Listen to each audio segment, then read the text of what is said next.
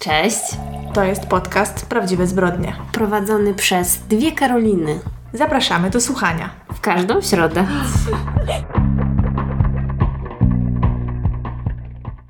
Ten odcinek sponsoruje BookBeat.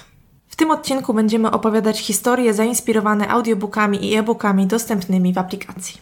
Porozmawiamy też o tym, czego ostatnio słuchałyśmy i co możemy Wam polecić. Słuchajcie uważnie, bo będziemy miały też dla Was niespodziankę. Jak zwykle, może zacznijmy od tego, co robiłyśmy, oglądałyśmy w ostatnim czasie. Pogoda dopisuje w dalszym ciągu. Tak, dzięki temu coraz więcej wychodzę z domu. No Mam właśnie. wrażenie, że przebudziłam się z zimowego snu. Tak, ja też. I przyznam, że jak mój narzeczony ostatnio proponował mi jakieś wyjście, to tak, no dobrze. A potem jak już wyszłam raz, drugi, to stwierdziłam, o, zapomniałam jak fajnie się wychodzi z domu, coś jeść, czy po prostu gdzieś posiedzieć albo się przejść. E, Więc to w zasadzie sama przyjemność. Nawet mogę pochwalić się, że rozpoczęłam w końcu sezon rowerowy i udałam się na pilates na rowerze. W kasku O, we co ty wszystkim. mówisz? Tak, jak najbardziej. Także Tym się nie chwaliłaś. tak, tak. Było super i myślę, że teraz będę jeździć na rowerze wszędzie. Chociaż niestety ja nadal troszkę się boję jeździć po mieście, mimo kasku i innych rzeczy. Mam wrażenie, że niektóre te ścieżki we Wrocławiu są mocno wątpliwe, no ale kwestia przyzwyczajenia.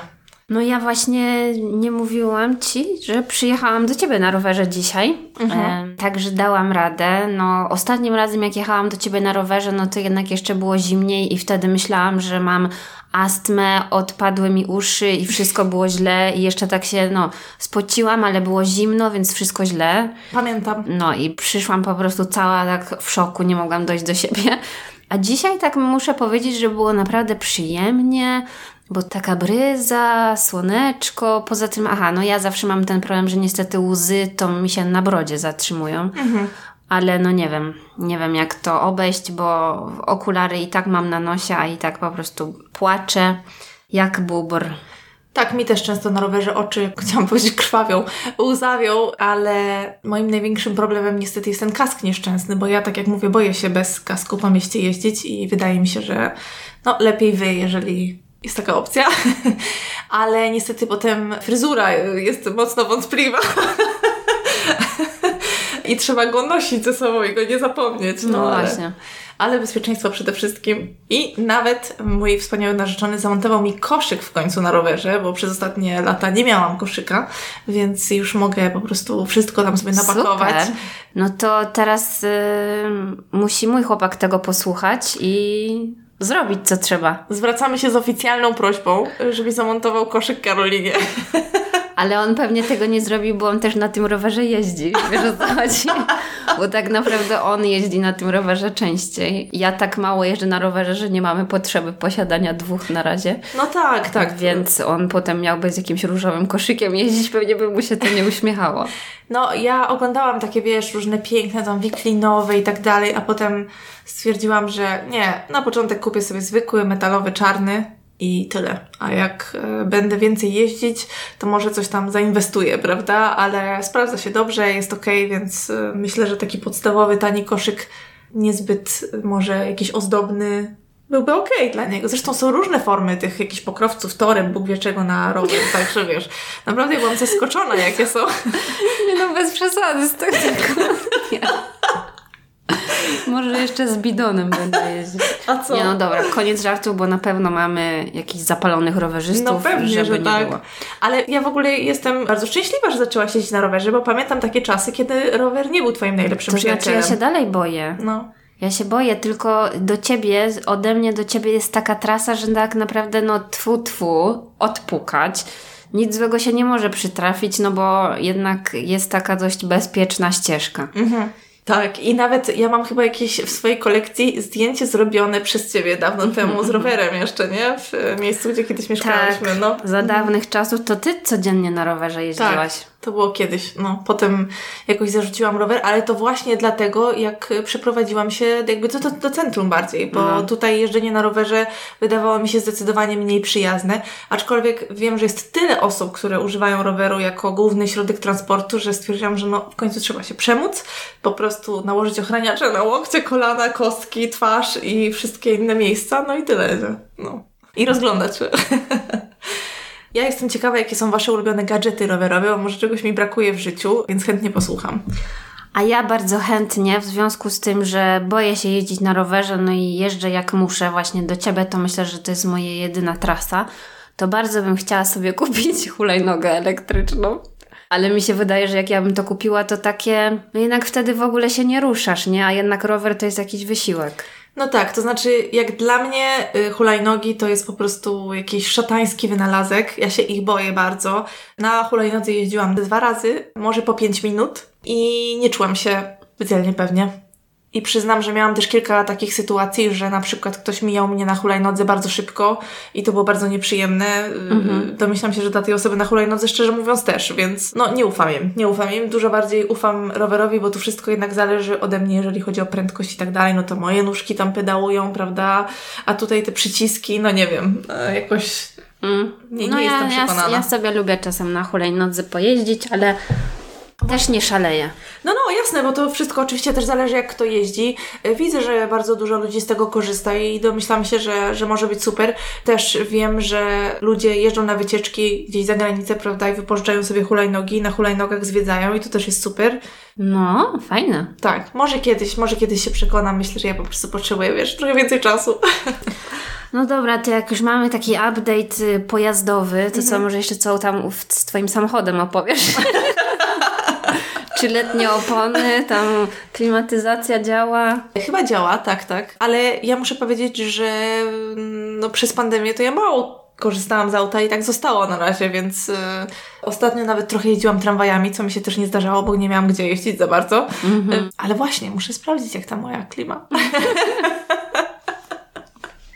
A jak ten twój samochód?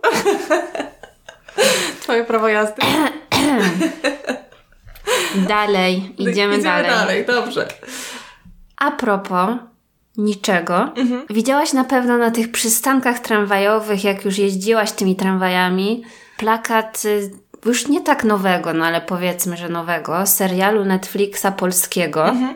Polska produkcja serialu pod tytułem Zachowaj spokój na podstawie powieści Harlana Cobena.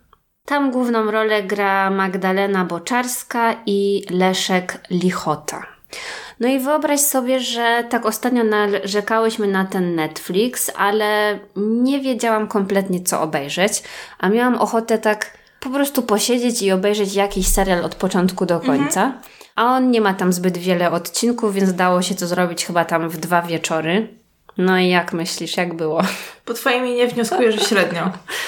to znaczy, wiesz, no oni oczywiście jakoś tam znają się na robieniu tych seriali, no wiadomo, to wszystko nie jest przypadkowe, ale opływa to takim luksusem, że po prostu no bardzo ciekawie ta Polska wygląda dla reszty świata, no. Jak tylko zobaczyłam to osiedle, to zaraz z moim chłopakiem obczajaliśmy w internecie, co to właściwie jest, a to są po prostu apartamenty, tam nawet nikt w rzeczywistości nie mieszka. No wszystko pięknie, no te wystroje, te ich ciuszki, zaraz ona cały czas chodzi w takim pięknym trenczu, wiesz, ty to oglądałaś? Widziałam może 10 minut pierwszego mhm. odcinka tylko, no. No, także wszystkie po prostu obuwie z Pan Pablo cały czas ma. jak nie Birkenstocki, to te drugie takie Bloodstomp, coś tam. Mhm. Jakieś, nie wiem jak one się nazywają, ale wiesz co chodzi wszyscy fajni ludzie w tych butach chodzą. Ona też jest fajna, no, to znaczy ja lubię tą aktorkę swoją drogą, ale... Więc tak, pod względem takim wizualnym, stylizacje, aktorzy, wszystko fajnie.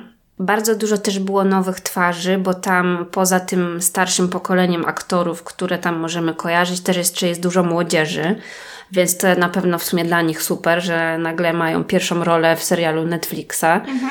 Więc y, gratuluję, znaczy gratuluję tak pozytywnie. Mhm. No nie, brzmiało tak. Nie, no właśnie. Zawsze mam ten ton niemiły, ale mam na myśli same miłe rzeczy. Mhm.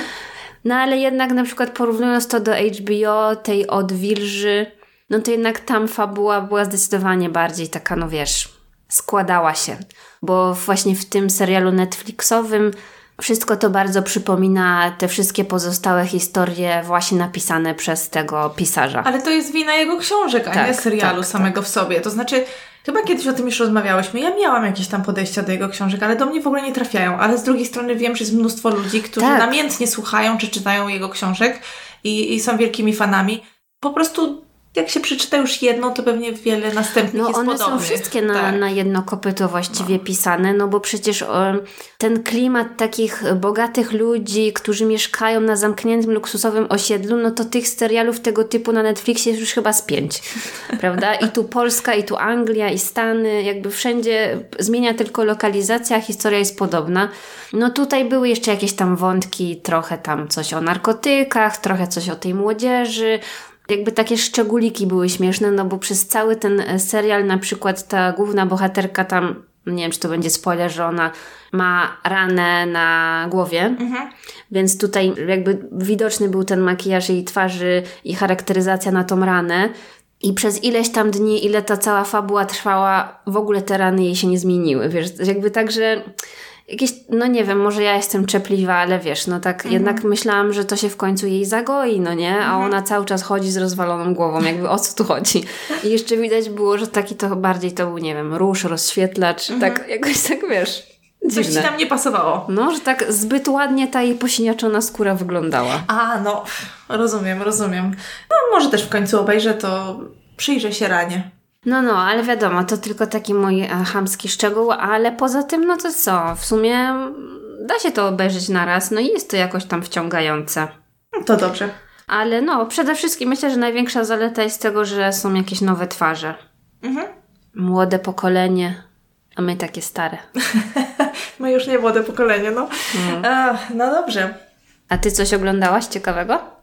Aha, przepraszam. Zaczęłam oglądać We Crushed w końcu, ponieważ skończyłam podcast. Podcast mi się podobał. Wiem, że oni zrobili jeszcze potem taki dodatek do tego podcastu, no. jak się już okazało, że ten serial powstaje i tak dalej. To to już takie trochę nudnawe. To już No ja też y, słuchałam to, tak z marszu mi to leciało, ale potem to w końcu wyłączyłam, tak. bo w sumie komu to potrzebne. No, jakoś to, to mnie już znudziło.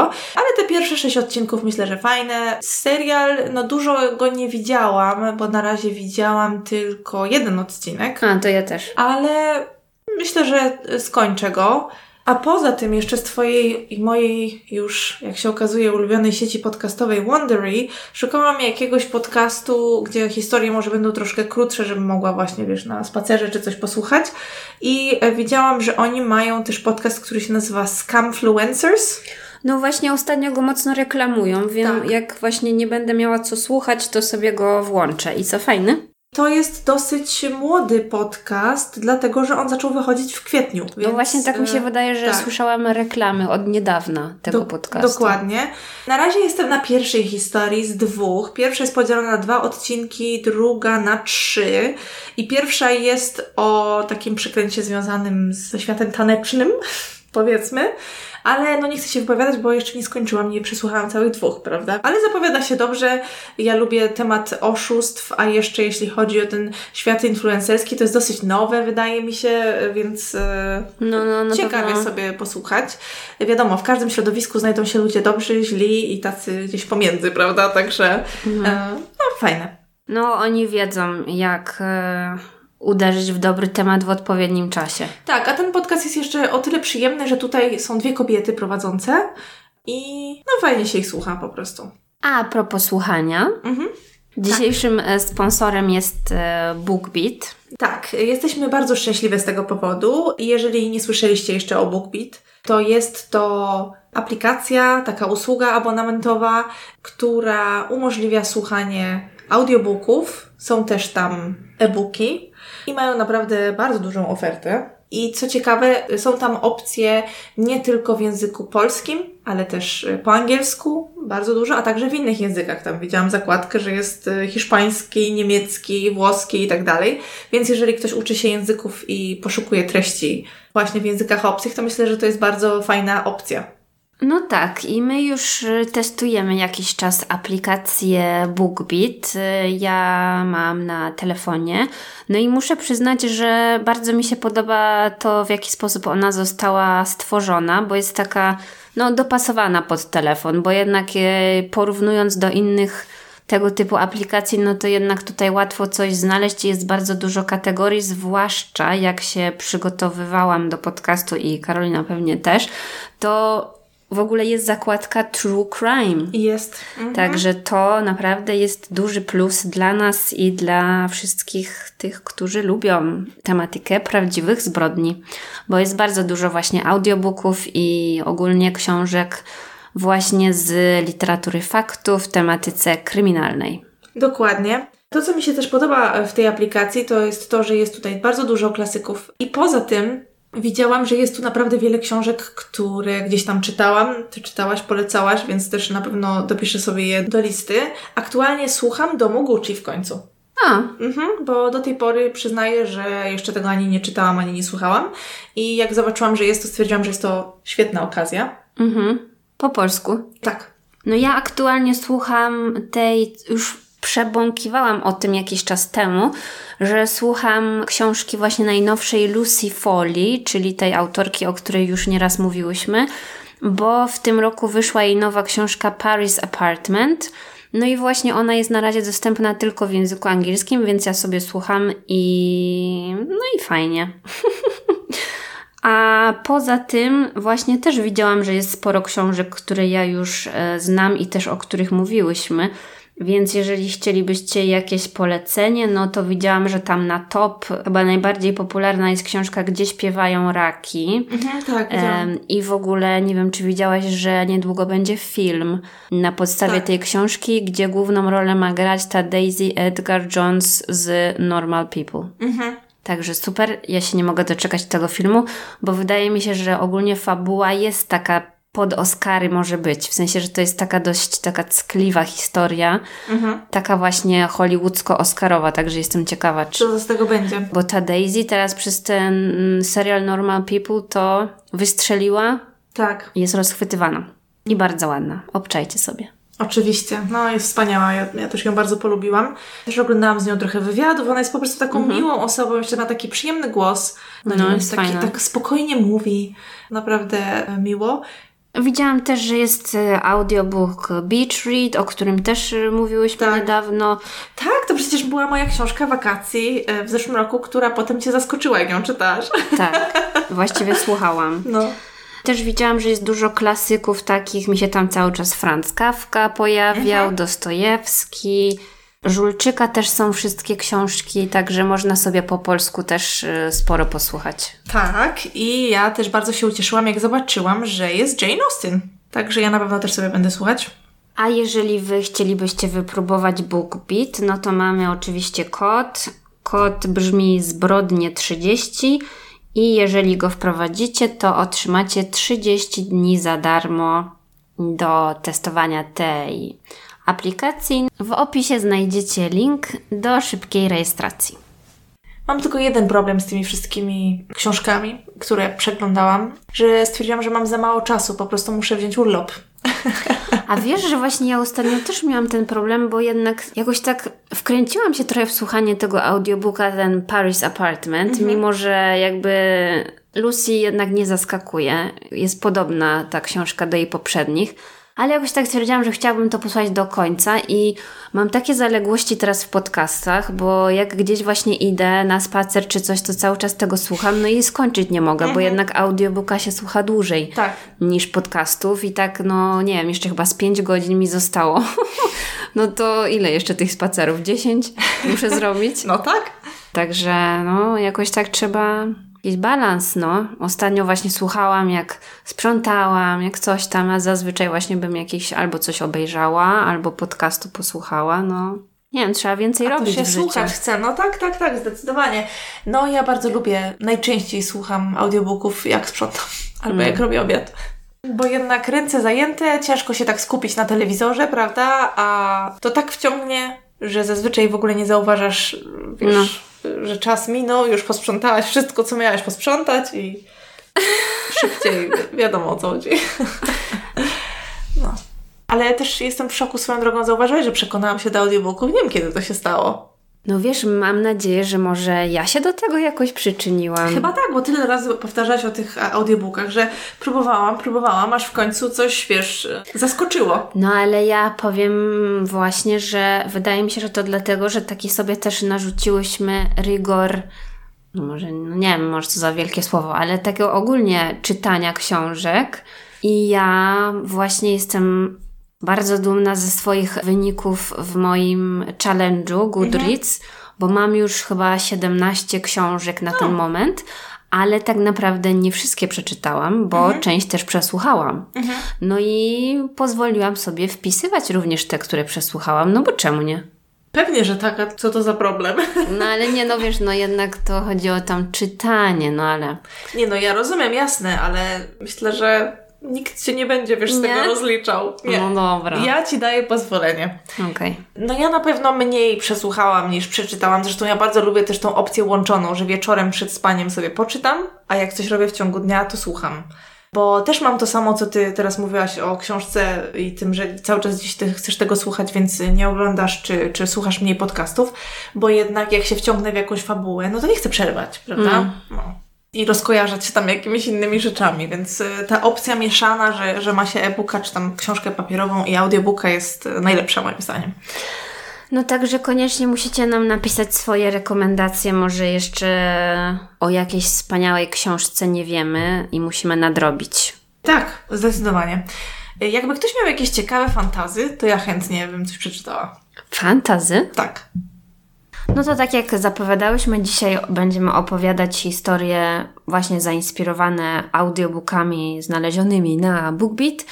Ja wybrałam książkę właśnie z sekcji literatura faktu True Crime o tytule Taste for Poison Nila Bradbury.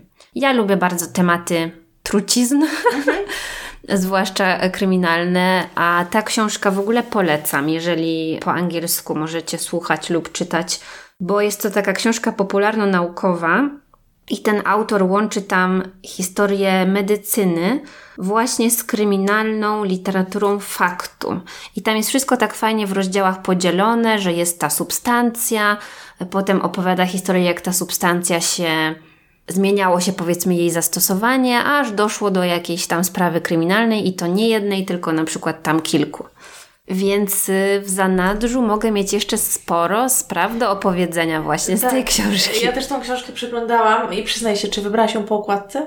Okładka też była fajna, no. Ale nie, raczej po tytule. Okej, okej, bo tak um, przeglądałam, mówię, o, na okładkę, No potem ładna. sobie myślę, hmm, Byłam pierwsza. ale nie no, przecież myśmy ustalały, no, co będziemy Nie no, żartuję. Więc ja tam wybrałam z tej książki rozdział poświęcony atropinie. No i teraz y, przenieśmy się na lekcję Chemii? biolchemu. Nie wiem. Więc ja oczywiście chemikiem nie jestem, więc przeczytam Wam definicję, żeby się nie pomylić. Atropina jest to organiczny związek chemiczny z grupy alkaloidów tropanowych. No i to by było tyle z teorii. W praktyce jest stosowana jako lek rozkurczowy i środek rozszerzający źrenicę.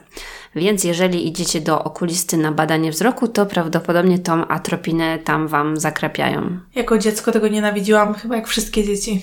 No. Potem nie można było rysować, to był największy dramat, a nie oglądać bajek. No i ta substancja występuje naturalnie w wielu roślinach, między innymi w Atropa belladonna, czyli y, nazwa, która kojarzy mi się z wieloma kryminalnymi historiami. tak. To jest po polsku pokrzyk wilcza jagoda. Poza tym jeszcze w paru innych roślinkach, ale to już nie będziemy w takie szczegóły wchodzić. I powiem Wam, czym się charakteryzuje zatrucie atropiną, bo na przykład jest to zaczerwienienie twarzy, bardzo rozszerzone źrenice, suchość śluzówek, trudności w przełykaniu, przyspieszona akcja serca, zatrzymanie moczu, porażenie perystaltyki jelit, hipertermia, pobudzenie, omamy, drgawki, także naprawdę może być nieprzyjemnie. Co najmniej połowa z tych objawów brzmi jakby się ktoś naćpał, nie? Tak, no. Co tam było? Rozszerzone źrenice, Źrenice, tak. pobudzenie. Przyspieszona akcja serca, o mamy. Jeszcze na Wikipedii był taki cytat z jakiejś tam książki medycznej, nieważne. W każdym razie przeczytam Wam to, bo tam chyba było ułatwienie, jak zapamiętać wygląd osoby zatrutej atropiną. Czerwony jak burak, rozpalony jak piec, suchy jak pieprz, ślepy jak nietoperz, niespokojny jak tygrys w klatce. O co chodzi w ogóle? Ja tam patrzyłam źródło tego cytatu i to była jakaś normalna książka. Mhm. Nie? Także fajnie. Może ktoś, kto studiował medycynę, kojarzy takie rzeczy. Ja nie, bo nie studiowałam. Ja niestety też nie. A sama Atropa belladonna to piękna roślinka o fioletowych kwiatach, z których wyrastają małe, błyszczące jagody. One mają kolor taki głęboko fioletowy albo podchodzący pod czarny. I pojedyncza jagoda dodana do jedzenia albo napoju zawiera wystarczającą ilość trucizny, żeby spowodować czyjąś śmierć. Także uważajcie. Łacińska nazwa atropa Czuję się jak na lekcji, no wiesz? nie? Ale to jest ciekawe, bo akurat ten pan w tej książce też o tym pisze. Ona wywodzi się od imienia jednej z trzech greckich bogiń przeznaczenia, bo Atropos wyznaczała kres życia każdego z ludzi. I kiedy nadchodził czas na śmierć, to ona przecinała nić życia właśnie swoimi nożyczkami, więc już z samej nazwy wiadomo, że jest to śmiertelna roślinka. A druga część tej nazwy Belladonna to oczywiście oznacza piękna pani, a to się wzięło stąd, że Rzymianki dawno, dawno temu używały wyciągów z tej rośliny jako kosmetyku, żeby rozszerzyć sobie źrenicę, bo dzięki temu jakby wydawało im się, że będą miały piękniejsze oczy, nie? I też taka ciekawostka, że podobno Da Vinci'ego Mona Lisa dlatego ma takie pociągające spojrzenie, bo też miała rozszerzone źrenice, na przykład właśnie spowodowane zażyciem tej substancji. Mhm. Także tak. Tylko nie ma twarzy czerwonej. No, ale wiesz, no zakrapianie do oczu, nie, no, jasne, no to co oczywiście. innego. Dobrze, więc lekcje już mamy za sobą. Teraz możemy przejść do historii kryminalnej i zapraszam Was do Edynburgu. Pozdrawiamy koleżankę. Pozdrawiamy, tak. Aha, właściwie to powiedziałyśmy równie dobrze, więcej osób może nas stamtąd słuchać.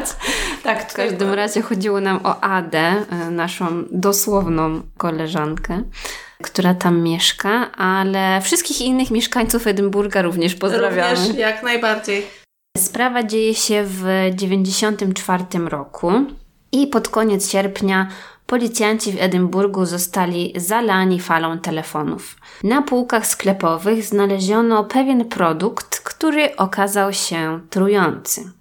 W mieście wybuchła panika. Ta panika przeniosła się na cały kraj i policjanci za bardzo nie wiedzieli, jak do tej całej sprawy się zabrać, bo ciężko było znaleźć tutaj jakiś motyw. Zastanawiali się, co to było. Czy to był jakiś akt terroryzmu, czy ktoś chciał zatruć, wiesz, całą społeczność, czy to jakiś pracownik tego sklepu chciał się zemścić. No nie wiadomo było o co chodzi.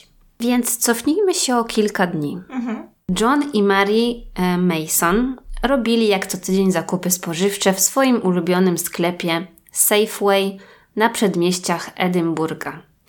Następnie wrócili do domu, rozpakowują te zakupy i Mary nagle zorientowała się, że zapomniała kupić swój ulubiony napój tonik. Tak się składa, że Mary często miała zgagę, no i podobno tonik pomagał jej uśmierzyć objawy zgagi. Hm. Nie wiem, czy to prawda, Muszę przetestować. Właśnie ja nie przepadam za tonikiem, chyba że w drinku to wtedy wypiję, więc. E, no właśnie, a a propos, to będzie bardzo duża dygresja, ale ja też nienawidzę toniku, ale wiesz, że ostatnio, jako że teraz jestem fanką napojów bezalkoholowych, w sklepie spożywczym był Schweppes ustawiony obok Aperola mhm. i on jakoś tak się nazywa. Schweppes tam, teraz świetnie rekomenduję, nawet nie wiem jak to się nazywa. Schweppes o kolorze Aperola. To znaczy kolorowe te Schweppesy to jest coś innego. No, to, to moim no. zdaniem to są bardziej takie napoje, bo my czasami kupujemy imbirowy, jest taki chyba jakiś Aha. i czasami no ten taki zwykły, powiedzmy jakiś tam cytrynowy, bardziej Aha. typowy. Tylko, że to są napoje, to już nie jest tonik moim zdaniem, nie? To... Okej, okay, ale przy okazji chciałam powiedzieć, że ten Schweppes, który wygląda jak Aperol, po prostu on jest taki, no nie wiem, no niesamowity. Pyszny? No ja teraz za bardzo się trochę pasjonuję tymi napojami wszystkimi. Widziałam recenzję na Instagramie. Tak, no przy okazji Tymbark y, taki w puszce, no to po prostu zamiata. Mhm. Zamiata z butów, czy jak to się mówi. Idziemy dalej. Na szczęście tego toniku z historii nie piłaś. Nie, nie, bo jeszcze żyję. No więc jej kochany mąż stwierdził: No dobra, Marii, wrócę do tego sklepu, żeby kupić ci tonik, bo jestem taki dobry. No i potem John wraca ze sklepu i od razu nalał Marii ten tonik, no bo akurat wtedy ona znowu miała zgagę. Mhm. Kobieta po wypiciu tego napoju od razu źle się poczuła. Stwierdziła, że jest zmęczona, więc położy się spać. Ale jak przebierała się w piżamkę czy coś takiego, to straciła równowagę, przewróciła się. Ale to było dosyć dziwne, no bo zazwyczaj nic takiego jej się nie przytrafia, ale pomyślała, że okej, okay, jestem zmęczona, położę się i tyle. Następnego dnia dalej źle się czuła, bolał ją brzuch, dalej miała tą zgagę, więc stwierdziła, że znowu napije się toniku. No i po tym zaczęła już mieć problemy ze wzrokiem, a nawet halucynacje. Przerażona powiedziała swojemu mężowi, że widzi jakby woda wylewała się z kaloryferów, także już miała taki bad trip.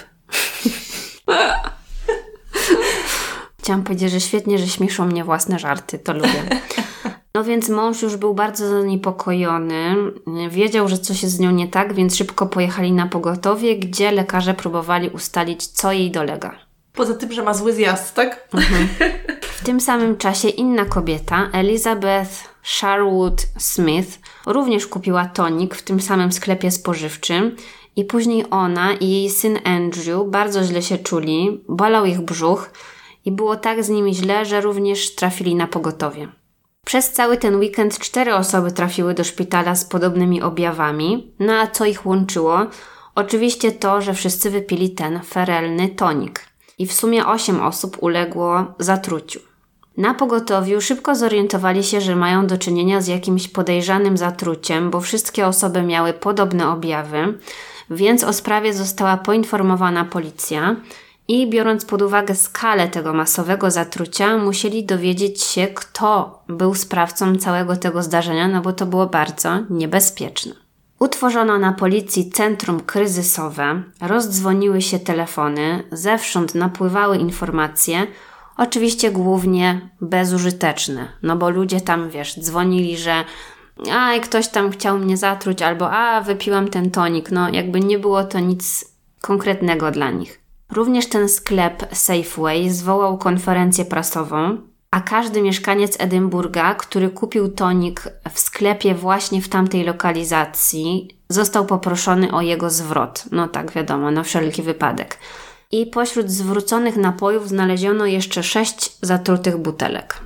Mimo, że zatruty tonik pojawił się tylko w jednym oddziale tego sklepu, w jednej lokalizacji w Edynburgu, no to w całym kraju właściwie wybuchła panika, która doprowadziła do tego, że aż 50 tysięcy butelek tego toniku zostało wycofanych ze sprzedaży i zupełnie zniszczonych. Mhm. Sprawą oczywiście zainteresowały się media. Spekulowano, co może być przyczyną całego tego skażenia toniku. Rozsiewano plotki, że na ulicach Edynburga grasuje jakiś groźny truciciel, albo też zastanawiano się, czy może do zatrucia doszło na tej hali produkcyjnej, więc to by był właściwie jeszcze większy problem, taki korporacyjny. Mhm. No to ta firma musiała mieć przerąbane wtedy. No. Rzeczywistość była znacznie prostsza, bo jak nie wiadomo o co chodzi, to chodzi o zdradę i pieniądze. Wśród rodzin zamieszanych w zatrucie tonikiem było jeszcze małżeństwo Paul i Aleksandra Agater. Paul pochodził z miejscowości Glossop, położonej w Anglii. Był bardzo inteligentny, dobrze uczył się w szkole, dostał się na biochemię na Uniwersytecie w Edynburgu i w 1968 roku uzyskał tytuł licencjata.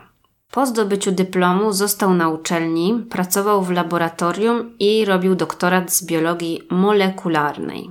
Już wiesz, dokąd to zmierza, jeżeli mamy do czynienia z takim mądrym biochemikiem. Niestety tak. Po ukończeniu doktoratu Paul dostał posadę na uczelni, wykładał biologię komórki w Szkole Nauk Przyrodniczych na Uniwersytecie w Edynburgu. Na uczelni poznał doktor Aleksandrę, która szybko stała się jego żoną, a ona z kolei wykładała tam angielski. Na pozór życie państwa Agaterów było bajeczne, sielankowe. Mieli jedenastoletnią córkę, piękny dom w historycznym miasteczku Athol Stafford, około 30 km na wschód od Edynburga. No i tam często zapraszali do siebie przyjaciół, były imprezki, fajnie i tak dalej. Jednak wewnątrz tego małżeństwa sprawy miały się zupełnie inaczej. Paul podobno leczył się na depresję, nawet rozważał samobójstwo, mieli problemy finansowe, no i ogólnie w związku z tym nie układało się zbyt dobrze. No i może to był kryzys wieku średniego, no bo Paul miał wtedy 48 lat, że znalazł ukojenie w ramionach jednej ze swoich studentek. Jego żona Aleksandra miała 39 lat, a Paul na co dzień w pracy miał do czynienia z młodymi, pięknymi, dwudziestoletnimi studentkami. Nawiązał więc romans z bardzo atrakcyjną Caroline Bonsal i nagle jego życie nabrało zupełnie innych barw. Poczuł się szczęśliwy, stwierdził, że musi wziąć ślub z Caroline, no i jakoś pozbyć się żony. Mhm. Już chyba wiemy jak. Mhm. No, a dlaczego nie mógł wziąć rozwodu jak normalny człowiek? Bo stwierdził, że wtedy straciłby dom, zostałby wyrzucony z domu, a on miał problemy finansowe, więc jakby nie poradziłby sobie, nie wiem, ze znalezieniem nowego miejsca zamieszkania, czy z długami, czy coś takiego. Więc pomyślał, że jego życie byłoby znacznie prostsze, gdyby po prostu jego żona zniknęła, umarła i tak dalej. No i teraz przydaje się do tej całej sprawy jego wykształcenie, ponieważ będąc tym biologiem miał bardzo dużą wiedzę na temat trujących roślin, a przede wszystkim łatwy dostęp do nich z uniwersyteckiego laboratorium. A poza tym on w ogóle pracował w grupie badawczej zajmującej się toksykologią. Także tym bardziej miał łatwy dostęp do atropiny, ale wiedział, że atropina jest łatwo wykrywalną trucizną, więc musiał uknąć taki plan, który by zapewnił mu nie tyle, że alibi, ale odwrócenie uwagi od niego bezpośrednio. Bo on uważał się za osobę bardzo inteligentną, bardzo mądrą i tak naprawdę wymyślił taki plan i wydawało mu się, że dzięki temu wszystkich przechytrzy, prawda? Rozumiem, myślał, że jest najmądrzejszy. Tak. Dlatego właśnie Paul postanowił kupić kilka butelek toniku, i wszystkie te butelki doprawił atropiną, którą wcześniej ukradł ze swojego laboratorium badawczego. I w środę 24 sierpnia 1994 roku umieścił te butelki ze spreparowanym tonikiem z powrotem na półkach sklepowych. Właśnie w tym sklepie Safeway w tej konkretnej lokalizacji, co było swoją drogą niedaleko od jego miejsca pracy. Mhm. Czyli tak bardzo mu zależało, że nie obchodziło go to, że przy okazji inni ludzie również mogą umrzeć. No ale właśnie kwestia jest jeszcze tej dawki, bo on do wszystkich butelek dodał tyle atropiny, żeby osobę, która się tego napije, zatruć ale nie zabić. Aha, rozumiem. Więc dlatego wszystkie te osoby, które się tego napiły, miały podobne objawy i trafiły do szpitala z powodu bardzo złego samopoczucia, ale nie z powodu śmierci, no nie? Mhm. Bo on miał jeszcze inny plan. Postanowił jedną z tych butelek zachować dla siebie i planował przed podaniem żonie odpowiedniego napoju z tym tonikiem dosypać tam jeszcze więcej mhm. trucizny. Rozumiem. Żeby właśnie wtedy mieć pewność, że ta dawka, którą ona otrzyma, będzie już śmiertelna. Ale żeby zapewnić sobie alibi, że to ten tonik był zatruty, no to musiał też zatruć te toniki, które były w sklepie. Dość sprytne, jakby na to nie patrzeć. Mhm. No bo właśnie myślał, że przez to, że inne osoby się na pewno zgłoszą z podobnymi objawami, widocznie ten tonik musiał być bardzo popularny tam, to właśnie, że wina spadnie na jakiegoś y, właśnie wymyślonego lokalnego truciciela. No i pod tym względem na początku odniósł sukces, no bo faktycznie takie były podejrzenia policji. Jego plan wypalił, no bo kilka osób się zatruło, z podobnymi objawami trafiali do szpitala i tak dalej. Problem był też taki, że ta atropina ma bardzo specyficzny, gorzki smak, więc on musiał przygotować taki napój dla swojej żony, żeby y, zniwelował ten gorzki smak trucizny. Dlatego właśnie wybrał tonik, no bo niby ten smak toniku miał właśnie to niwelować, wyrównać jakby. Więc kiedy 28 sierpnia Aleksandra relaksowała się w ogrodzie, no to jej bardzo miły mąż postanowił przygotować dla niej jej ulubiony napój, czyli gin z tonikiem. no tak, on jest dosyć gorzki. Mhm. Więc właśnie to miało się może jakoś tam wtopić mm, generalnie w smak tego napoju.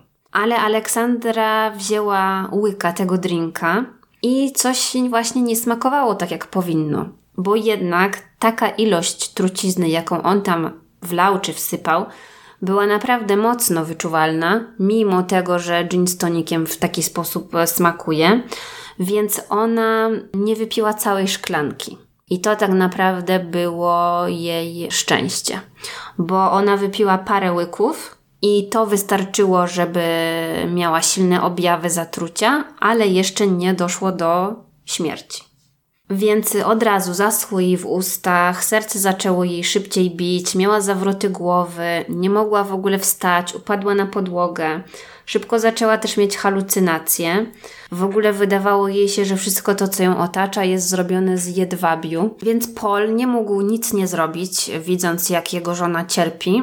Postanowił wezwać pomoc, ale zamiast wezwać karetkę, zadzwonił po lekarza pierwszego kontaktu, bo z tego co Paul wcześniej sprawdził, ten lekarz miał przebywać właśnie tego dnia poza miastem. Więc tak jakby mm, zaplanował sobie, że zadzwoni do tego lekarza, nagra mu się na skrzynkę, zostawi jakąś taką łzawą wiadomość, ale ten lekarz nie odczyta czy tam nie odsłucha jej na czas, więc ostatecznie tej żonie nie pomoże.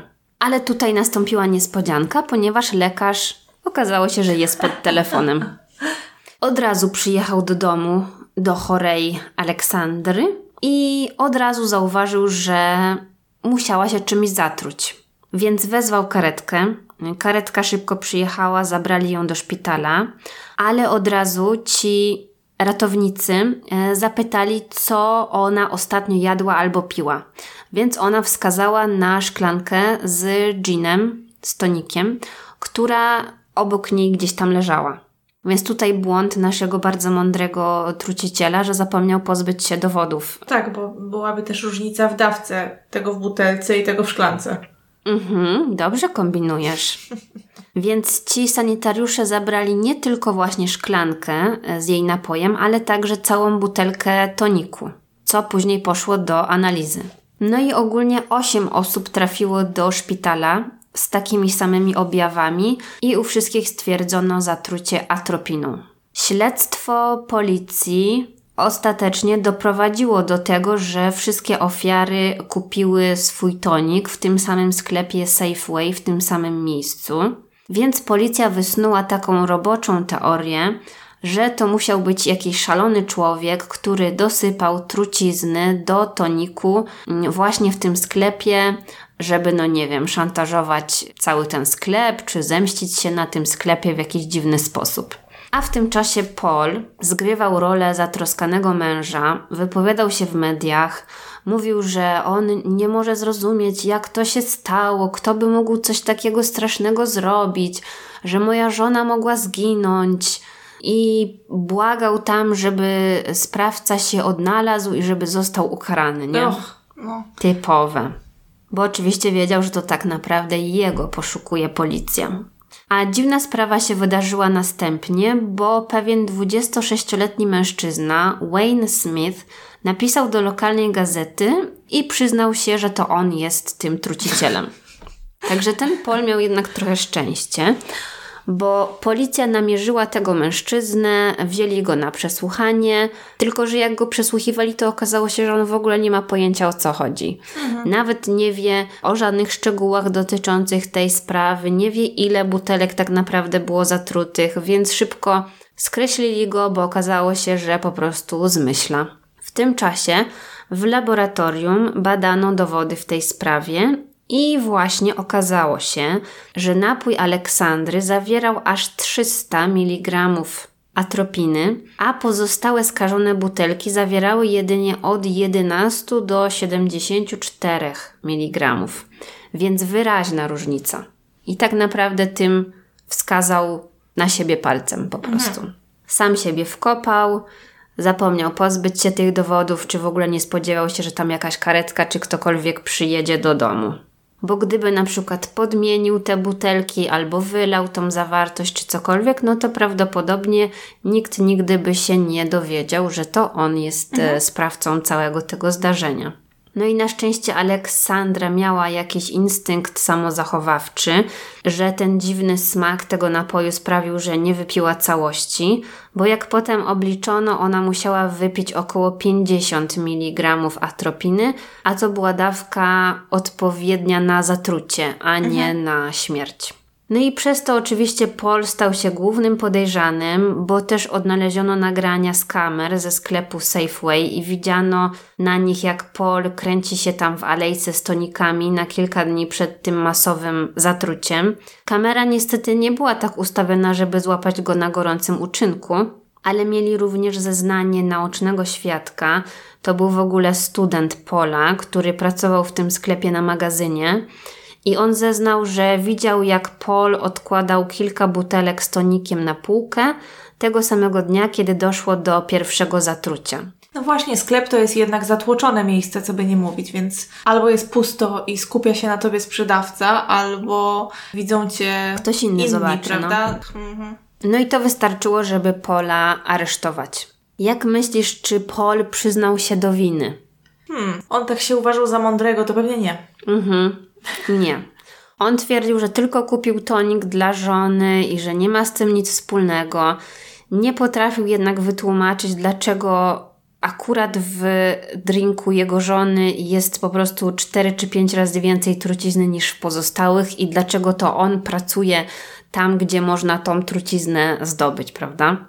Więc w 1995 roku Paul został aresztowany i postawiony przed sądem za usiłowanie zabójstwa swojej żony. I w ogóle, co jest przykre dosyć, to przez cały czas trwania tego procesu właściwie główną jego obrończynią była jego żona, ta Aleksandra. Co? Bo ona cały czas twierdziła, że jej mąż nie jest zdolny do morderstwa. Mhm. No ale mimo to, mimo że żona go broniła, no to Paul i tak został uznany za winnego. Sędzia podczas ogłaszania jego wyroku powiedział, że obmyślił to naprawdę skrupulatnie i że nie dość, że chciał zabić żonę, to jeszcze chciał skrzywdzić inne osoby i że w ogóle się tym nie przejmował. Więc to było wielkie niebezpieczeństwo dla całej społeczności, dlatego musi zostać za to ukarany i Paul został skazany na 12 lat więzienia. No tak, bo z drugiej strony przecież taki tonik mogło też wypić dziecko na przykład, które potrzebowało na pewno mniejszej dawki, żeby się jeszcze poważniej zatruć czy, czy umrzeć. To po pierwsze. A po drugie, dla osiągnięcia własnego celu Czyli zostawianie sobie domu, robić, no nie wiem, jakieś takie. No a propos dziecka właśnie, ja właśnie nie wiem, czy o tym mówić, bo w książce tego nie było, ale w jednym z artykułów, jakie znalazłam w internecie na temat tej sprawy, było w ogóle napisane, że ten tonik wypiła Aleksandra i Córka? Córka. No właśnie. Ja się tak zastanawiałam, jak ty mówisz, że ta córka taka starsza, no to dzieci już takie napoje piją, prawda? No i właśnie niby e, w tym artykule, tylko to jakaś taka gazeta, jakiś tam Herald czy coś, nie wiem czy to nie ma być jakaś taka gazeta tabloidowa, czy ten news był jakiś niepełny, dlatego to nie trafiło do tej książki, no bo jednak myślę, że ten pan mocny research zrobił i może nie chciał się opierać na grząskich tam jakichś faktach. W każdym razie pisali w tym artykule, że i Aleksandra i ta ich 11-letnia córka trafiły do szpitala. Mhm. Dziwne to by było, żeby on chciał zatruć też swoje dziecko. Nie wiem, może dziecko też czyhało na jego dom. no. No także, no ale ostatecznie tak naprawdę nikomu nic się nie stało, poza tym, że było niebezpiecznie. Więc wszystko się skończyło dobrze, no ale nie dla Pola, no bo Pol wylądował w więzieniu. A w ogóle śmieszna sprawa, bo za współwięźnia miał tego Wayna Smitha, który pierwotnie chciał przyjąć na siebie winę. A w ogóle okazało się, że ten Wayne Smith tak naprawdę był winny pewnego, powiedzmy, zatrucia, bo on podobno w tym sklepie Safeway umieścił środek chwastobójczy w kartonach z sokiem owocowym. Więc może jemu się pomyliły te wszystkie newsy. Co się dzieje? Odkąd ludzie chcą otruwać wszystkich, zostawiając trucizny w sklepach spożywczych? Ja już nigdy nie pójdę na zakupy. No, ale to było dosyć dziwne. No w każdym razie Paul sprawdził się podczas pobytu w więzieniu, bo on pracował w bibliotece, pomagał innym więźniom w nauce, uczył ich czytania i tak dalej, więc sprawdzał się jako nauczyciel. Chyba mu brakowało pracy. No a Aleksandra, jego żona, w końcu zaakceptowała ten fakt, że jednak mąż chciał ją zabić, no i ją otruł i rozwiodła się z nim, kiedy on był jeszcze w więzieniu. Jeżeli chodzi o jego kochankę Caroline, no to ona w ogóle zapomniała o nim, wiesz, odwróciła się, na mhm. napięcie i nie chciała mieć z nim nic wspólnego. A w 2002 roku Paul w wieku 58 lat wyszedł z więzienia, został zwolniony po 7 latach, więc szybciej.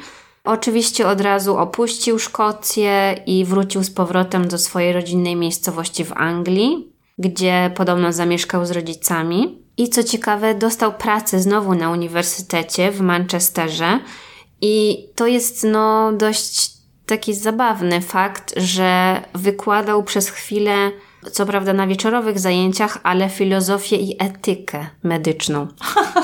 To zabawne, no. No, ale jednak chyba media się tam do niego dobrały i zaraz naskarżyli, że on jest winny takiego przewinienia. No i podobno jak uniwersytet dowiedział się, za co on został skazany, no to go zwolnili.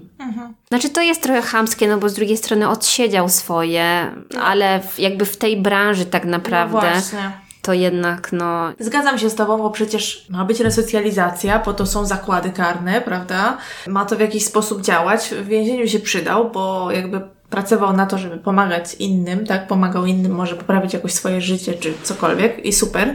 Ale właśnie to, żeby pracował w tej samej branży, to takie troszkę ryzykowne.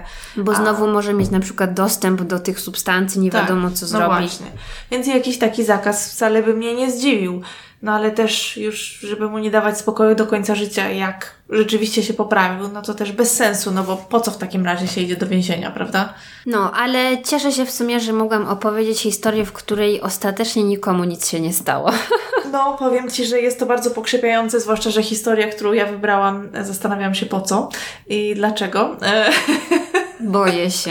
Nie, to znaczy nie musisz się bać, natomiast przyznam, że troszkę brakowało mi weny, no i tak przeglądałam i zobaczyłam, że na Bugwicie jest dużo takich e, e-booków i audiobooków też, gdzie są po prostu zestawienia przestępców z różnych miejsc. I to takich najgorszych, najgorszych. Tak, dokładnie. No i stwierdziłam, hmm, w sumie dawno już nie opowiadałam historii o takich klasycznych seryjnych e, mordercach, więc może czas y, przyszedł na to i zaczęłam przeglądać książkę, której tytuł to The 100 Deadliest British Serial Killers. I ona jest akurat w języku angielskim i jak sama nazwa wskazuje, jest to e-book z listą 100 bardzo groźnych e, seryjnych morderców w Wielkiej Brytanii.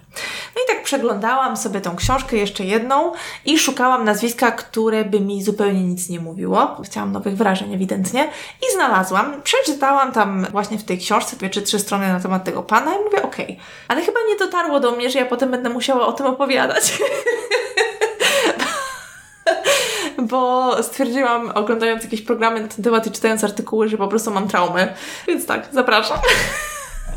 Ale myślę, że to się wiąże z tym, że w tej historii skupiamy się na grupie, która w społeczeństwie uznawana jest za grupę ludzi wyjątkowo takich delikatnych i potrzebujących opieki po prostu. No to już się boję. Dziś e, cofniemy się do roku 86, do Londynu. I właśnie w kwietniu 86 osoba, która pomagała kobiecie Nancy Ems, ona miała 78 lat, przyszła do niej i odnalazła kobietę leżącą w łóżku. Kobieta nie żyła. Na pierwszy rzut oka wydawało się, że umarła z przyczyn naturalnych, dlatego że leżała w łóżku, była cała przykryta. I tak też stwierdził lekarz, który przyszedł stwierdzić zgon. Ale później, przed kremacją kobiety, zorientowano się, właśnie jakaś osoba, która pomagała Nancy, zorientowała się, że zniknął z jej mieszkania telewizor.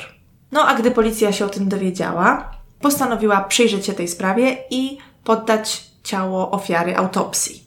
Kiedy do tej autopsji doszło, szybko okazało się, że Nancy nie umarła z przyczyn naturalnych, a została uduszona. Na jej klatce piersiowej znaleziono ślady tego, że ktoś na niej klęczał czy też siedział, a poza tym znaleziono też ślady duszenia. Miała między innymi chociażby jakieś tam pęknięte żebro i w jednym z programów mówili, że dość dziwnym jest, że lekarz y, stwierdził, że kobieta umarła z przyczyn naturalnych, kiedy jakieś tam lekkie zasinienia było widać na jej ciele. Oczywiście warto przypomnieć wiek. Ona miała prawie 80 lat, była osobą słabą fizycznie, delikatną, więc też tych siniaków mogło nie być tak wiele, a morderca wcale nie musiał pewnie użyć tak dużo siły, żeby, żeby ją zabić. No dokładnie. Biedna. Bardzo biedna.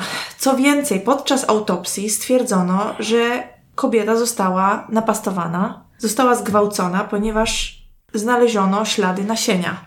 Co? Dokładnie.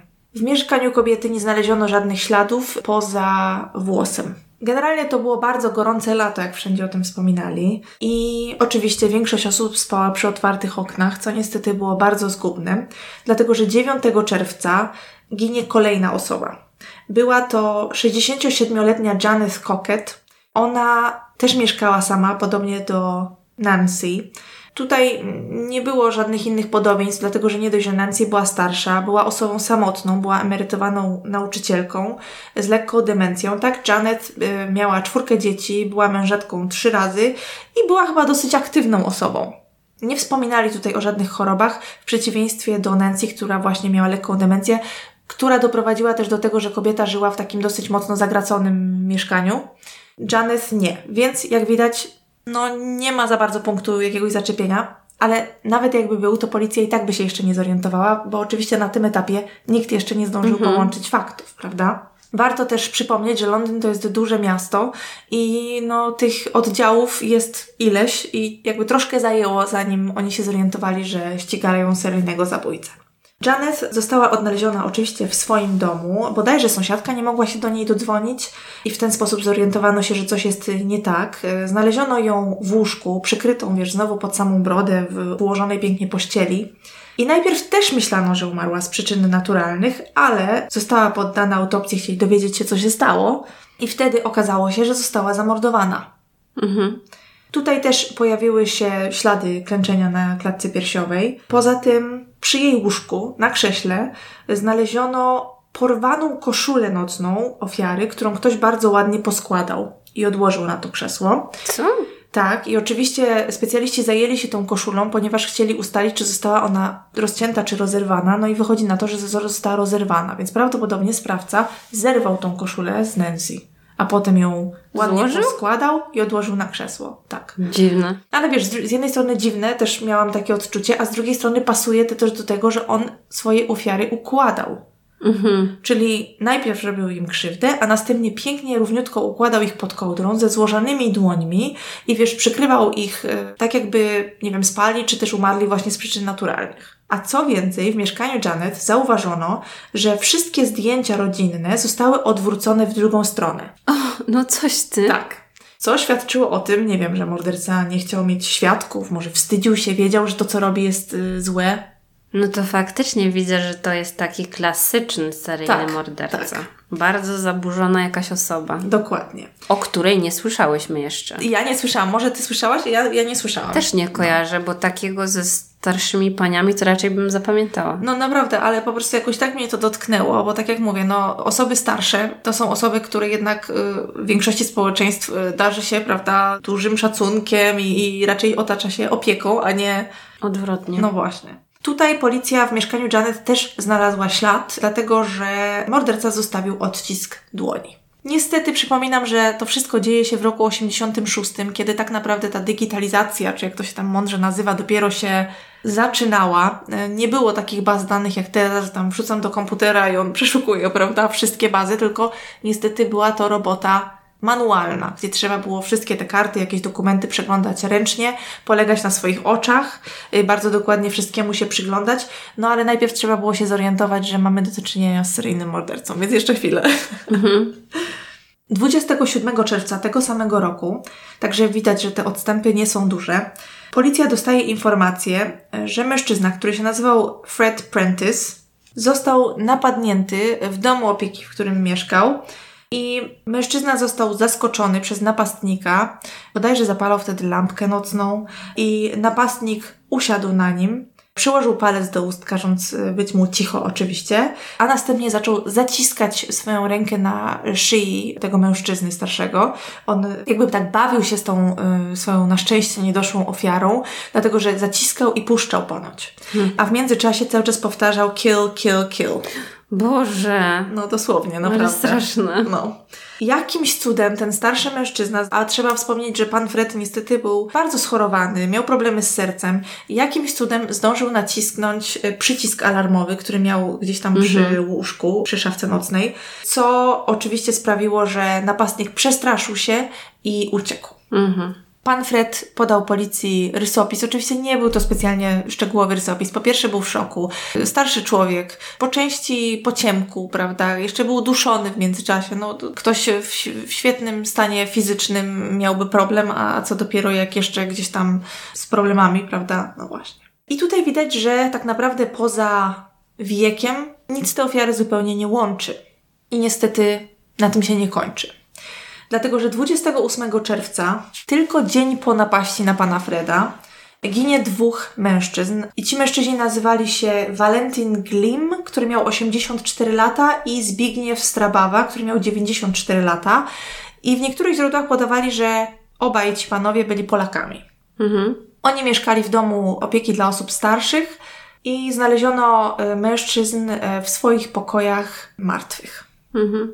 W jednym z programów e, wypowiadał się wnuk pana Valentina. Opisał go jako dżentelmena, który nigdy nie przeklinał. I pokazano też zdjęcie, oczywiście pokazano zdjęcie wszystkich tych osób, ale pan Valentin jakoś tak mi zapadł w pamięć, bo miał, wiesz, zdjęcie, gdzie miał takie białe włosy i bardzo białą brodę. Mężczyźni zostali znalezieni w swoich łóżkach, e, tak jak wspominałam, e, przykryci pod brodę po raz kolejny, ale tym razem policja dowiedziała się też od osób pracujących w tym ośrodku, e, że słyszeli jakieś dziwne dźwięki i potem znaleziono ślady świadczące o tym, że morderca po wszystkim poszedł się umyć i ogolić. Umyć to jeszcze rozumiem, ale ogolić? No tak, znaleziono jakąś taką golarkę ze śladami i e, używania i jakiś tam ręczniczek czy coś, którego używał, nie wiem. Podczas oględzin ciał tych panów e, wszystko się zgadzało, zostali uduszeni, natomiast e, jeden z tych mężczyzn został też zgwałcony. Boże, co tu się dzieje? No i niestety, potrzeba było trochę czasu, żeby policja zorientowała się, że w okolicy grasuje seryjny zabójca, tak jak już wcześniej mówiłam. I w jednym z programów wspominano, że zorientowano się, ponieważ dwóch detektywów, którzy pracowali w jakichś tam osobnych oddziałach policji, wiesz, na kawie porównywało swoje notatki. A, I wtedy, no to brawo. Tak, i wtedy zauważyli podobieństwo i zaczęto działać. Też mogli z początku nie zorientować się, że to robi ta sama osoba, dlatego że to były dosyć niespokojne czasy. Niedawno skończyły się zamieszki w e, okolicznej dzielnicy.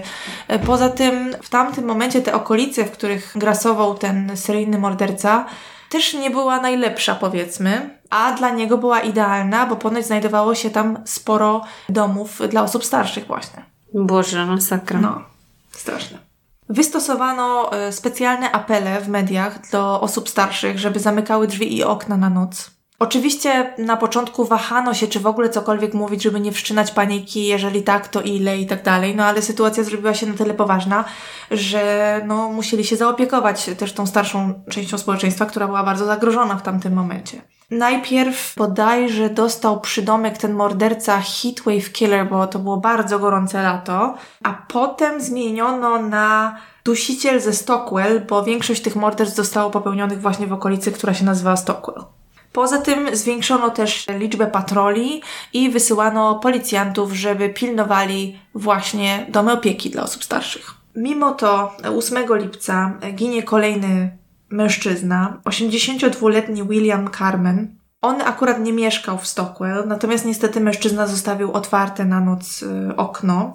W przypadku jego mieszkania również znaleziono odwrócone zdjęcia. Znaleziono też porwane ubranie, czyli tu podobieństwa do morderstwa mhm. drugiej ofiary, a także skradziono bodajże kilka tysięcy funtów. Mam nadzieję, że dobrze zapisałam. I to był pierwszy raz, kiedy morderca skradł gotówkę. Kolejną ofiarą został 74-letni William Downs. I ten mężczyzna również mieszkał sam. Tym razem napastnik wepchnął ofierze do ust y, materiał i papier, jakby do gardła. Mhm. Nie wiem, czy chcąc go udusić, czy ucieszyć, a może jedno i drugie. Ale tutaj w jego mieszkaniu znaleziono też y, ślady nasienia, a co więcej, na podłodze znaleziono też plamę, w której wykryto ślinę i krew i tutaj pani, która badała te ślady w jednym z programów spekulowała, że możliwe, że ofiara znalazła się na podłodze właśnie w pewnym momencie ataku. Natomiast co ciekawe, na jego twarzy nie było żadnych śladów krwi, więc po raz kolejny napastnik że tak powiem, posprzątał, zadbał o, wiesz, swoją ofiarę mhm. i znowu, wiesz, ją tam pięknie poukładał i ułożył w łóżku. Mm, dziwne strasznie. Tak. I tutaj po raz kolejny znaleziono odciski, więc już było tego wszystkiego coraz więcej. Ale niestety ten mężczyzna nie był ostatnią ofiarą. Ostatnią ofiarą była 80-letnia wdowa, która nazywała się Florence Tisdale. I to był wyjątkowy dla tej pani dzień. To było 23 lipca, kiedy ślub brała Sarah Ferguson i książę Andrzej a ponoć pani Florence była zagorzałą royalistką, czy jak to się tam ładnie mówi. Była ogromną fanką rodziny królewskiej i żeby świętować ten dzień, zrobiła sobie specjalną fryzurę u fryzjera. Usiadła przed telewizorem z kieliszkiem sherry, mimo to, że z tego co rozumiem miała bardzo duże problemy ze wzrokiem i ze słuchem i generalnie mało się ruszała. Bardzo dużo pomocy otrzymywała od sąsiadów, a także od jakiegoś tam pana, który jej pomagał. I pani Florence miała trzy kotki, które bardzo kochała tak dbała o te kotki, że oczywiście zostawiała im na noc otwarte okno, żeby mogły sobie przychodzić i wychodzić, kiedy o, tylko nie. zechcą. Tak. No niestety, napastnik musiał zakraść się przez to otwarte okno. Musiał to zauważyć. Po raz kolejny zrobił to, co robił do tej pory, czyli uklęknął na jej klatce i udusił ją jedną ręką, przytrzymując prawdopodobnie drugą, wiesz, usta, żeby nie krzyczała, nie wydała z siebie żadnego dźwięku. W przypadku tej kobiety również znaleziono ślady gwałtu. No i kiedy policja prowadziła śledztwo w tej sprawie i chodziła tam po okolicy, rozmawiała z różnymi osobami, to znaleźli osobę, która widziała jakiegoś mężczyznę w tamten dzień, kiedy doszło do morderstwa pani Florence i jak, wiesz, z jakimś takim opętanym wzrokiem wymiotuje bardzo w okolicy. No więc tutaj, wiesz, może to był właśnie ten mężczyzna jakoś tam super podniecony czy poruszony tym, co zrobił, nie wiem. W każdym razie w międzyczasie, bo to chyba zapomniałam o tym powiedzieć przed panią Florence, tak ja jestem poruszona, policji udało dopasować się odciski, które znaleziono na miejscach zbrodni, do odcisków y, w dokumentach, które mieli w bazie i dopasowali do mężczyzny, który został wcześniej skazany za różnego rodzaju włamania. Mhm. Ten mężczyzna nazywał się Kenneth Erkins i gdy zaczęto przyglądać się jego życiu, no to szybko okazało się, że prawdopodobnie jest on bezdomny.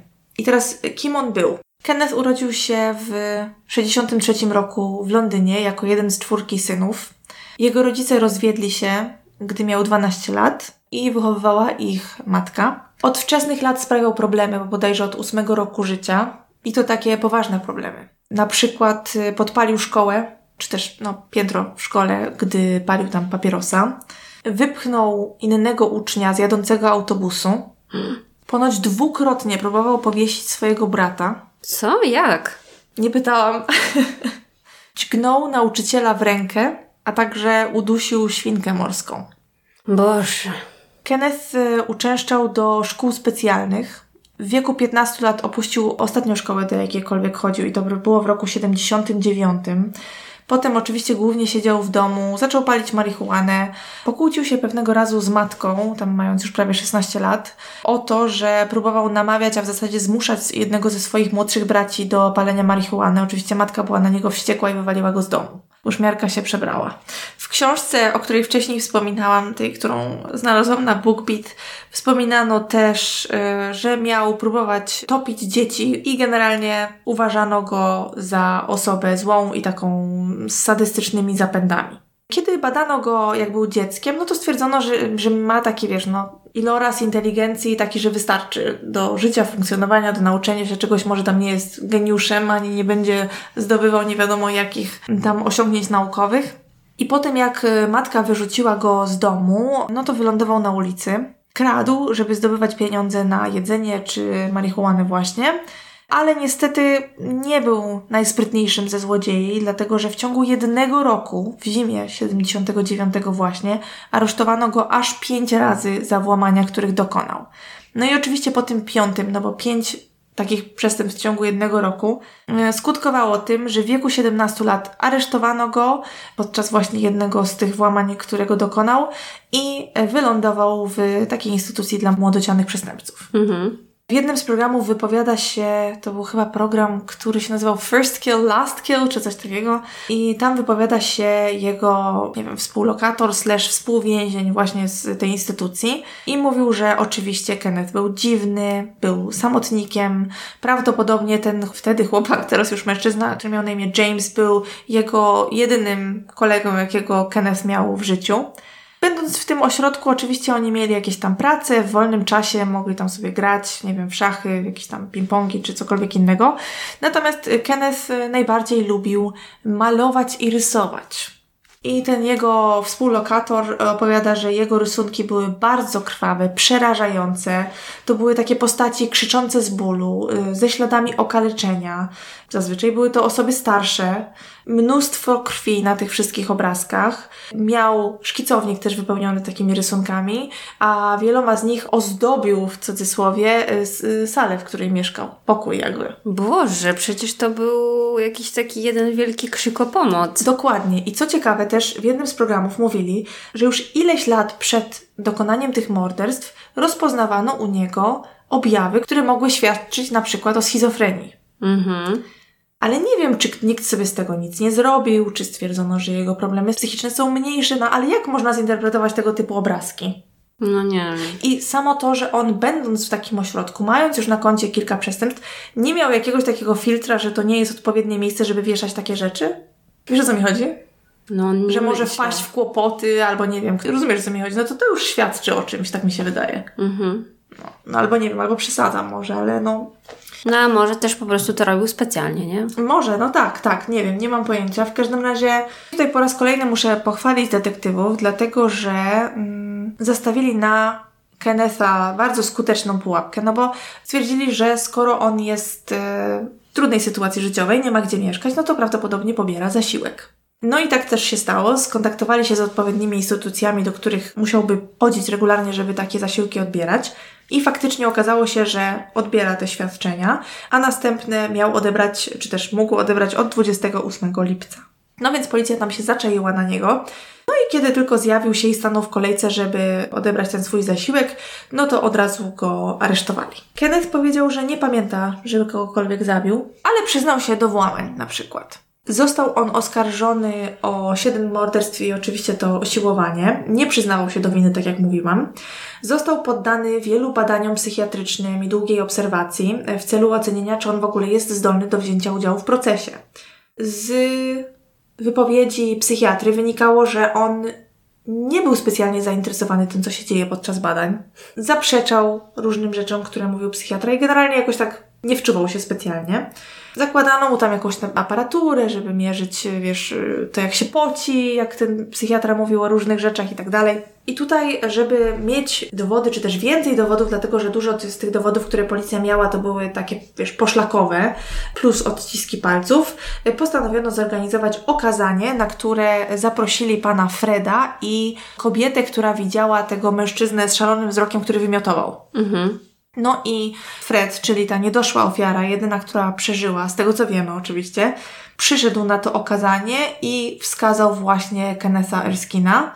To samo zrobiła też ta kobieta, która widziała tego wymiotującego mężczyznę. Ona również rozpoznała Kennetha Erskina. I ta kobieta i Fred Prentice y, oczywiście zgodzili się zeznawać w sądzie i tak też zrobili. Po całym tym procesie psychiatrzy uznali, że Kenneth jest zdolny do wzięcia udziału w procesie, choć mam swoje wątpliwości. No, dlatego, że gdy proces rozpoczął się w styczniu 88 roku, Kenneth albo był w ogóle niezainteresowany w stylu patrzył się w stopy, patrzył się przez okno, albo gdy opowiadano szczegóły zbrodni, na przykład właśnie to, że chociażby tą ostatnią swoją ofiarę, wiesz, panią przebrał z ubrań w koszulę nocną, a następnie, wiesz, ją tam położył i o tych śladach napaści seksualnych i tak dalej, to on się wtedy chichrał, Co? a nawet zaczął się masturbować. Nie. Naprawdę. Naprawdę. No to nie, to nie, to nie. To, to Eee. coś tutaj jest nie tak. Więc ciężko mi sobie wyobrazić, że ten mężczyzna był, wiesz, no, jakby, jak oni mogli uznać, że on jest zdolny do. No wiesz, no nie wiem, to może trzeba by było pracować w tej branży, żeby zrozumieć. Może to są jakieś kruczki drobne. Na pewno są. Ja nie kwestionuję umiejętności psychiatry, którego badał, tylko zastanawiam się, co o tym decyduje w takim razie. Mm.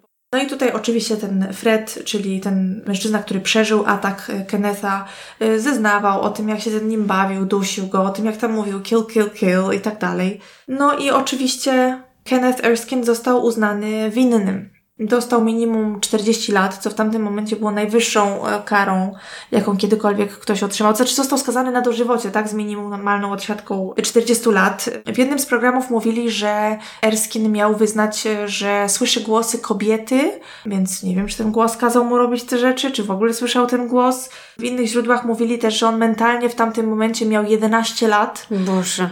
I tutaj mówili, że jego poziom intelektualny mógł zmniejszać się z tym, jak pogarszał się jego stan psychiczny. No tak. No. Dostał przydomek właśnie dusiciela ze Stockwell. Tutaj jakaś tam pani specjalistka w też jednym z programów mówiła, że tutaj on się zachowywał, wiesz, jak taki predator, taki drapieżnik, wiesz, jak zwierzę, że szuka tych najsłabszych ofiar i że jej zdaniem to nawet nie chodziło o słabość do osób starszych, tylko właśnie o ich słabość, a może nie tylko chodziło o pociąg do osób starszych, bo tutaj oczywiście w tej sprawie wspominali o czymś, co nazywa się gerontofilia i to jest e, rodzaj zaburzeń preferencji seksualnych, w którym osiągnięcie satysfakcji seksualnej możliwe jest tylko poprzez kontakty ze sobą w znacznie zaawansowanym wieku. To jest definicja z Wikipedii. W każdym razie chodzi tutaj o pociąg do osób starszych.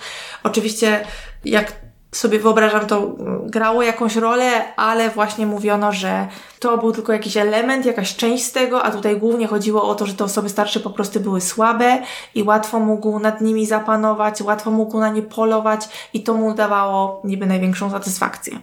Czy tak było, nie wiem, bo tak jak mówiłam wcześniej, na wielu z tych ofiar znaleziono ślady napaści seksualnej. Czy to działo się przed ich śmiercią, czy po śmierci? Nie wiem. Bardzo możliwe, że po śmierci.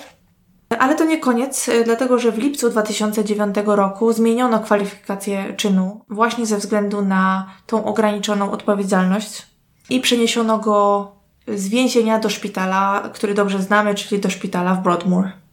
Oj. No ja jestem w szoku, ale wiadomo, zawsze jest też y, fajnie usłyszeć historię seryjnego y, zabójcy, taką szokującą, której do tej pory nie słyszałam wcześniej, nie? No właśnie, ja też o tym nie słyszałam i to też był jakby e, powód, dla którego wybrałam. No, także to by było na tyle na dzisiaj. Tak. Dziękujemy naszemu sponsorowi dzisiejszego odcinka BookBeat. Bardzo było nam miło e, i Pamiętajcie o kodzie zbrodnie 30, jeżeli chcecie wypróbować BookBeat przez 30 dni. A my słyszymy się za tydzień. do usłyszenia.